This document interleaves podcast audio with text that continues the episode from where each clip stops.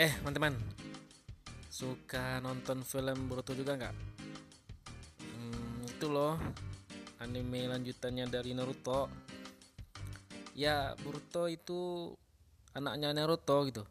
Yang pada serial Boruto ini Naruto udah jadi Hokage. Udah jadi pahlawan dunia shinobi gitu. Jadi shinobi paling terkenal, populer, dan paling hebat Ya, jadi kan ceritanya di akhir serial Naruto Shippuden, Naruto kan nikah dengan Hinata. Sesosok ninja wanita paling idaman laki-laki segat raya gitu. Termasuk saya juga sih sebenarnya. Jadi kan di film Boruto ini kalau kita lihat tonton kan dan pahami dia seorang anak Hokage gitu ya ayahnya sangat terkenal ninja paling hebat. Otomatis keluarganya sangat begitu disegani itu oleh banyak orang oleh orang desanya dan oleh ninja-ninja lainnya itu. Dan Boruto sebagai anak seorang HKG tentu sangat disegani sangat dihormati itu oleh semua orang itu. Karena pamor ayahnya karena jasa ayahnya begitu besar untuk orang banyak itu jadi kita lihat kan di filmnya animenya. Apa namanya? Ya tentunya kepopuleran Naruto ya sekalian juga terciprat ya ataupun istilahnya Boruto juga ikut terkenal gitu. Seperti yang kita tadi dia betul hormat ya dihormati itu. Tapi menariknya dan uniknya ya kalau kita nonton Boruto malah tidak senang dengan hal itu semua itu dia malahan apa namanya kalau kita lihat ya begitu terganggu malahan itu. Boruto apa namanya tidak memperlihatkan kalau dia bangga itu. Punya ayah seorang Hokage punya ayah yang begitu terkenal. Punya ayah yang begitu berjasa untuk orang banyak itu. sebagai anak orang paling terkenal nih di desanya malah dia merasa apa namanya risih dan saya lihat malah membenci dengan takdirnya sendiri sebagai anak seorang Hokage itu. Dia marah dengan keadaannya. Dia merasa dia malahan begitu sepi ya, kesepian dan terkucilkan di tengah teman-temannya. Karena menurut pandangannya, orang-orang segan dengan dia, orang-orang menghargainya, orang-orang apa namanya? begitu menghormati Boruto bukan karena dirinya sendiri ya. Dalam arti kata bukan karena kapasitas ya istilahnya, bukan karena Borutonya itu. Tapi karena ayahnya itu. Ya itu kan kita lihat. Jadi apa namanya? bertolak belakang kalau kita lihat pada logikanya ya. Seharusnya kan ya padahal banyak ya kalau kita lihat itu. Banyak anak-anak ketika ayahnya begitu terkenal, begitu hebat, malah membanggakan diri itu. Dan bahkan tidak sedikit yang malah sombong dan berbuat seenaknya memakai nama ayahnya menyelewengkan nama kepopuleran ayahnya itu. tapi kita lihat di serial Boruto tidak seperti itu malah kebalikannya dari yang kita kira dari apa namanya yang kita temukan di dunia nyata pada saat sekarang ini dan menurut saya ini yang paling keren. Ini yang menjadi daya tarik sendiri dari sosok seorang Boruto dari karakter seorang tokoh di anime ini. Dalam arti kata ya patut kita kagumi dan sikapnya sebagai anak seorang Boruto ya seorang Boruto sebagai anaknya dari Hokage Naruto atau kaki ketujuh di desanya malah tidak mencerminkan hal-hal yang kita lihat ada pada umumnya. Ya seperti yang katakan tadi, tidak menyombongkan diri, malahan merasa terusik dan marah tuh ketika orang menyebut nama ayahnya bahwa dia seorang anak Okage itu, bahwa dia anak seorang Naruto itu. Begitu ya kita lihat di filmnya. Jadi perintinya kawan-kawan apa namanya ya ini salah satu nilai tertarik dari karakter tokoh ini nih, dalam serial ini nih. Eh kita ngomong apa dulu nih ya? Kok kesannya bahas apa namanya beda-beda film-film anime ya? Jadi gini teman-teman. Jadi di balik serial Uzumaki Boruto ini, anime Boruto ini ada hikmah dan pelajaran yang begitu banyak dan begitu besar gitu untuk orang-orang, untuk banyak orang, terutama untuk para penguasa-penguasa, para orang-orang di negeri ini yang begitu haus dan bernafsu akan kekuasaan. Saya lihat di serial Boruto ini, karakter Boruto sendiri ada begitu banyak hikmah, pelajaran yang harusnya diteladani oleh banyak orang di negeri ini. Terutama untuk para anak-anak yang punya orang tua, yang punya ayah, yang punya kerabat, seorang pejabat, seorang pengaruh di negeri ini. Harusnya jadi pelajaran. Dan apa namanya? Terutama ya karakter dari Boruto sendiri saya lihat harusnya jadi pelajaran dan jadi apa namanya sentimen ya satir bagi anak yang berapa waktu lalu ikut pilkada di satu kota di negeri kita ini. Ya tentunya teman-teman tidak tidak tidak asing lagi ya dengan sosok nama ini karena begitu populer. Karena toh ayahnya sendiri seorang yang begitu sangat populer. Karena ayahnya begitu punya kekuasaan besar. Ya karena ayahnya orang nomor satu di negeri ini. Anak seorang presiden gitu ya. Ya maksud saya boleh jadi memang kita angkat isu ini karena beberapa waktu belakangan ini ya baru-baru ini diberitakan bahwa dia si Mas ini tersangkut paut juga dalam satu kasus korupsi bantuan sosial gitu. Ya kita lihat berita seperti itu. Dan ya kita nggak salah kita nggak bahas itu sebenarnya karena masih proses penyidikan yang kita serahkan aja kepada KPK untuk menyelesaikan ini. Kita lihat saja nanti. Tapi di sesi ini teman-teman saya menyerotinya secara apa dulu ya namanya ya lebih sorotinya dalam isu-isu pilkada saat ini deh. karena ini masih menarik bagi saya terutama beliau masih disisukan sekarang dengan isu korupsi bansosnya menteri sosial deh.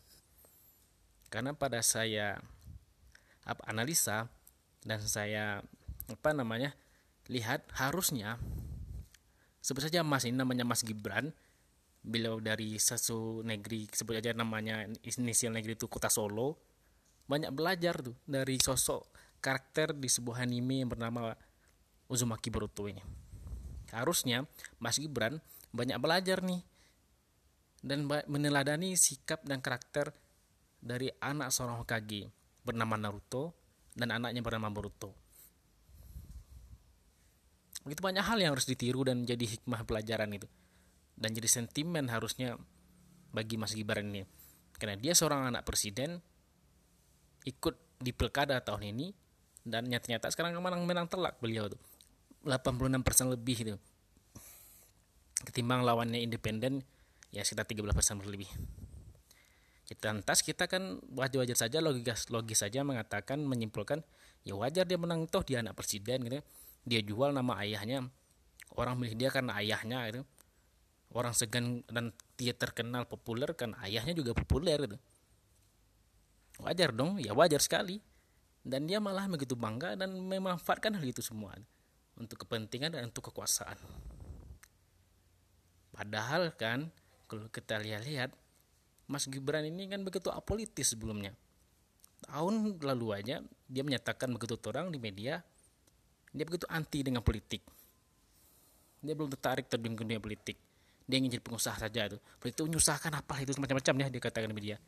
Tapi setahun berikutnya langsung jadi calon wilkada sepakai cheat itu ya. Langsung apa namanya langsung dapat rekomendasi dari dari DPP-nya partai PDIP gitu. Mengalahkan senior seniornya orang-orang yang telah begitu lama berkecimpung dunia politik. Dan bahkan juga kader tulen dari PDIP sendiri gitu. ya. Tapi namun ya karena dia anak seorang presiden tentu punya perlakuan khusus ya dia belum masih muda bahkan belum punya pengalaman apa-apa Tapi itu semua tidak jadi halangan. Pada akhirnya ya langsung dapat rekomendasi dan dia yang terpilih untuk menjadi calon wali kota Solo di Pilkada tahun ini. Dan dia sekarang ini menang dan insya akan ditetapkan sebagai calon wali kota yang terpilih dan akan memimpin kota ini lima tahun ke depan. Nah teman-teman semuanya, perintinya adalah yang saya katakan di sini, ya tak tahu jauh tak jauh-jauh sebenarnya dari topik ataupun permasalahan-permasalahan yang harus kita soroti lebih dalam. Apa itu? Yakni dinasti politik. Karena kesan yang dimunculkan ataupun fenomena yang hari ini kita lihat begitu banyak tidak hanya Mas Gibran ya sebagai anak presiden yang tunjuk di pilkada begitu banyak lagi kerabat-kerabat lainnya pejabat tinggi lainnya bahkan anak menantu segala macam ayah istri ikut di pilkada dan menang itu tentu kita berkesimpulan dan secara tegas mengatakan bahwa inilah satu fenomena yang berbahaya yang bernama dinasti politik dia tegas mengatakan ini dinasti politik. Karena apa namanya? lingkaran kekuasaan, sirkulasi kekuasaannya berputar di lingkungan itu itu saja. Di lingkungan orang sekelompok, segelintir orang elit itu. Sekelompok kelompok orang yang sedang berkuasa. Kenapa satu teman-teman semuanya? Kenapa, kenapa kita harus menyoroti ini? secara seksama. Karena menurut saya pribadi dan barang kita semua sepakat bahwa dinasti politik ini sangat berbahaya sekali. Karena saya berkesimpulan dan mengamati dan menesa setidaknya ada empat dampak buruk ada empat negatif dari dinasti politik diterapkan di negeri kita ini. Yang pertama adalah dampak buruknya bahwa dinasti politik hanya akan melanggengkan kekuasaan segelintir orang-orang saja itu. Sekelompok orang tertentu saja yang punya kekuasaan lebih, punya akses lebih. Karena akan lebih menguntungkan, mengutamakan popularitas, kekayaan, tentunya juga pengaruh itu. Dibandingkan dengan kapabilitas, dibandingkan dengan kapasitas. Itu teman-teman yang pertama dan juga akan menyumbat fungsi dari partai politik. Karena kan fungsi dari partai politik itu hati hanya untuk melanggengkan kekuasaan, untuk memperoleh kekuasaan. Tapi begitu banyak lagi fungsi-fungsi ideal dari partai politik, fungsi-fungsi dari fungsi-fungsi utama dari partai politik. Tapi kalau ketika dinasti politik diterapkan, yang ada adalah parpol hanya bertujuan untuk meraih kekuasaan. Dan ini yang berbahaya melenceng dan menyumbat fungsi-fungsi lainnya. Karena fungsi partai politik itu ada banyak lagi. Satunya itu merawat dan menjaga demokrasi, mencerdaskan masyarakat dan lain-lain macam-macamnya itu. Tapi kalau dinasti politik jelas tujuan utamanya, target utamanya kekuasaan, kekuasaan, kekuasaan. Lalu teman-teman yang kedua adalah dampak buruknya bahwa dinasti politik hanya akan menutup ruang bagi orang-orang yang lebih berkompeten, akan menutup ruang dan kesempatan bagi orang-orang yang punya kapasitas, yang punya lebih karya dan kapabilitas itu. Karena kan pada nyatanya dia seperti hanya akan berputar situ saja sirkulasi kekuasaan ini. Dan tentunya dinasti politik akan syarat dengan kepentingan. Akan syarat dan bergelimanya kepenting-penting tertentu saja. Ini yang sangat berbahaya teman-teman. Jika seperti itu tentu jelas udah kepentingan sekelompok orang yang masuk tentu akan membuka kerang-kerang kejahatan lainnya, korupsi, nepotisme dan lain semacamnya. Tentunya jika ini terjadi akan membuat masalah yang begitu besar di negeri kita. Korupsi akan makin merajalela, koruptor akan semakin banyak, negara kita akan semakin sengsara, rakyat akan semakin menderita dan korupsi tidak akan pernah hilang di muka bumi ini. Apa kita mau seperti itu? Itu tidak ya. Saya yakin kita semua tidak ingin. Kita ingin korupsi hilang. Negeri kita negeri yang makmur, masyarakat kita sejahtera. dan adil. Itu toh yang kita inginkan, yang sama-sama kita ingin capai secara bersama-sama. Lalu teman-teman, apa yang ketiga dari dampak dampak negatif dari dinasti politik adalah akan sulit menciptakan pemerintahan yang baik dan bersih. Ya sudah jelas dong ya, karena ketika dinasti politik akan itu syarat dan kepentingan-kepentingan olong-olong elit akan buka keran yang besar akan lahirnya peluang-peluang korupsi yang di setiap lini, setiap sudut. Jika begini, tentu akan sulit mewujudkan pemerintahan yang baik dan bersih. Karena ujung-ujungnya nanti kepentingan, karena ujung-ujungnya nanti ya tidak terlepas dari kepentingan tentu saja dan ujung-ujungnya akan menciptakan keran yang besar untuk lahirnya kejahatan-kejahatan. Dan juga kenapa akan sulit menciptakan pemerintahan baik? Karena akan mengurangi, melemahkan fungsi kontrol pemerintahan bahkan meniadakan dan mematikan fungsi kontrol kekuasaan. Karena kena ngapain mau apa namanya mau bisa mengontrol kekuasaan? Karena toh kekuasaan dipegang oleh orang-orang itu saja, oleh sekelompok orang itu saja, itu satu keluarga saja, satu kerabat saja. Ada yang kepala daerahnya istrinya, kepala ke, anggota DPRD-nya, ketua DPRD-nya suaminya. Begitu pun sebaliknya ada anaknya yang sebagai ketua DPRD, bapaknya sebagai kepala pemerintah, kepala daerah atau bupati, gubernur semacamnya.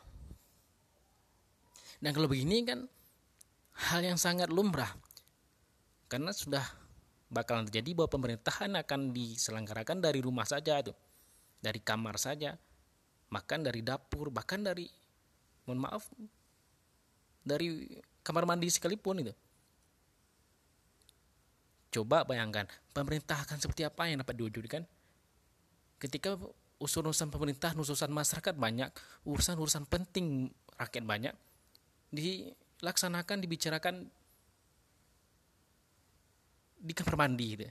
dibicarakan di kamar, dibicarakan di satu rumah. Pemerintahan akan seperti apa yang dapat diwujudkan oleh orang seperti itu? Coba kita jawab, coba kita analisa, coba kita renungkan itu kawan-kawan.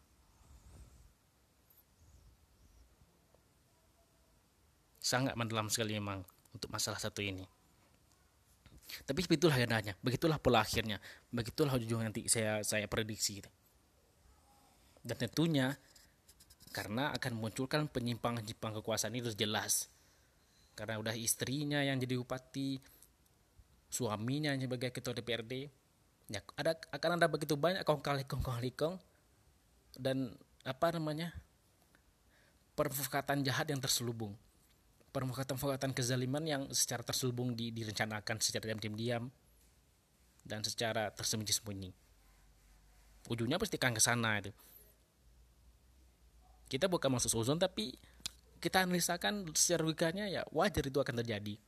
Karena fungsi kontroversial akan berkurang, fungsi kontrol ke kekuasaan akan sama sekali tidak ada. Ini yang khawatirkan bagaimana masyarakat kita, bagaimana negeri kita, bagaimana pemerintah yang akan ada. Lalu yang terakhir teman-teman, dampak buruk yang begitu besar yang diciptakan oleh dinasti politik adalah akan merusak demokrasi. Bahwa demokrasi akan terancam ketika adanya, ketika diterapkannya, ketika masih ada hidup dinasti politik di negeri ini. Karena pada dasarnya dinasti politik tidak cocok dan tidak pantas diterapkan di negeri kita. Kenapa? Karena negeri kita menganut paham yang begitu ideal untuk masa kita. Yuk paham demokrasi itu negara ini negara demokrasi. Negara ini bukan negara monok apa namanya? Negara kerajaan itu. Ya jelas negara kita negara demokrasi besar dunia.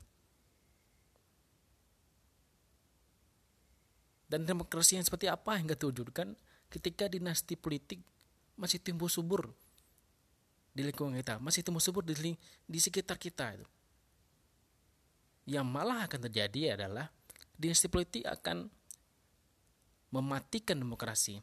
Demokrasi akan lambat laun, akan lambat laun melemah dan hilang.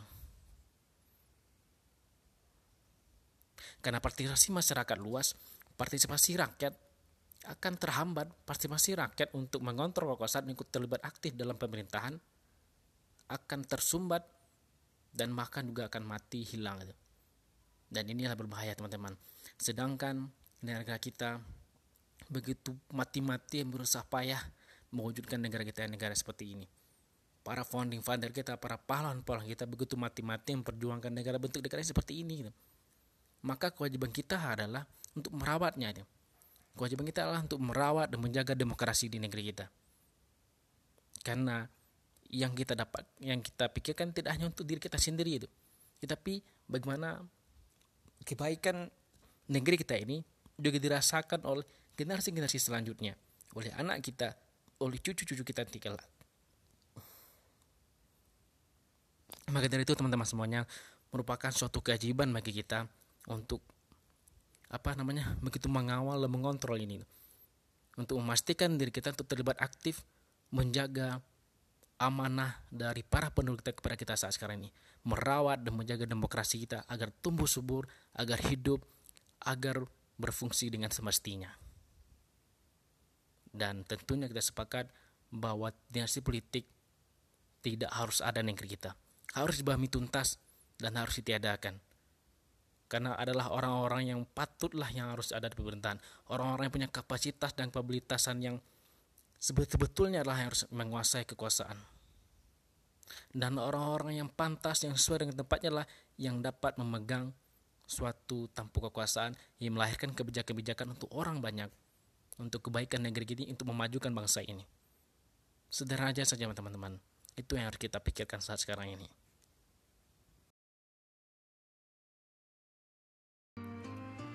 Nah itu ya teman-teman. Barangkali secuil ulasan dan opini dari saya pada sesi episode kali ini. Yang pada intinya mensiarkan sebuah pesan yang sangat-sangat sederhana saja bagi kita semuanya di mana kita betul-betul sangat berharap kepada setiap orang-orang yang terpilih di pilkada tahun ini dari kalangan elit-elit politik dari kalangan dinasti politik betul-betul dapat menjalankan amanahnya dengan sebaik-baiknya dengan sejujurnya dan sebersih-bersihnya menjalankan pemerintahan dengan profesionalitas dan dengan penuh integritas. Sampai jumpa lagi di episode selanjutnya, di sesi selanjutnya. Banyak maaf dan terima kasih atas begitu banyak perhatian dari teman-teman semuanya. Egi saya Terka Putra, Jalanan Pikiran Podcast. Wassalamualaikum warahmatullahi wabarakatuh.